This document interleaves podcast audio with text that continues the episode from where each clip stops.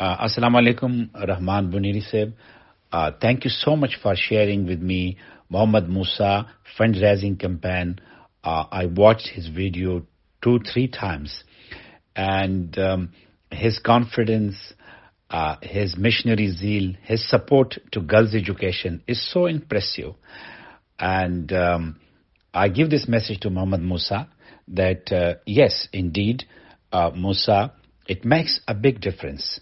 Your campaign, uh, making cupcakes, selling it for girls' education, raising fund, it is so impressive. And you inspire all of us to support girls' education all around the world. So we are proud of you. Uh, and obviously, your uh, kind father, Khurram Shehzad, your mother, your family must be proud of you. Uh, you are our star. Uh, we love you. And uh, we wish you best of luck in uh, all your pursuits. and um, you're a great boy, really. you inspire us. So, God bless you always. Thank you so much for your support to girls' education. Thank you.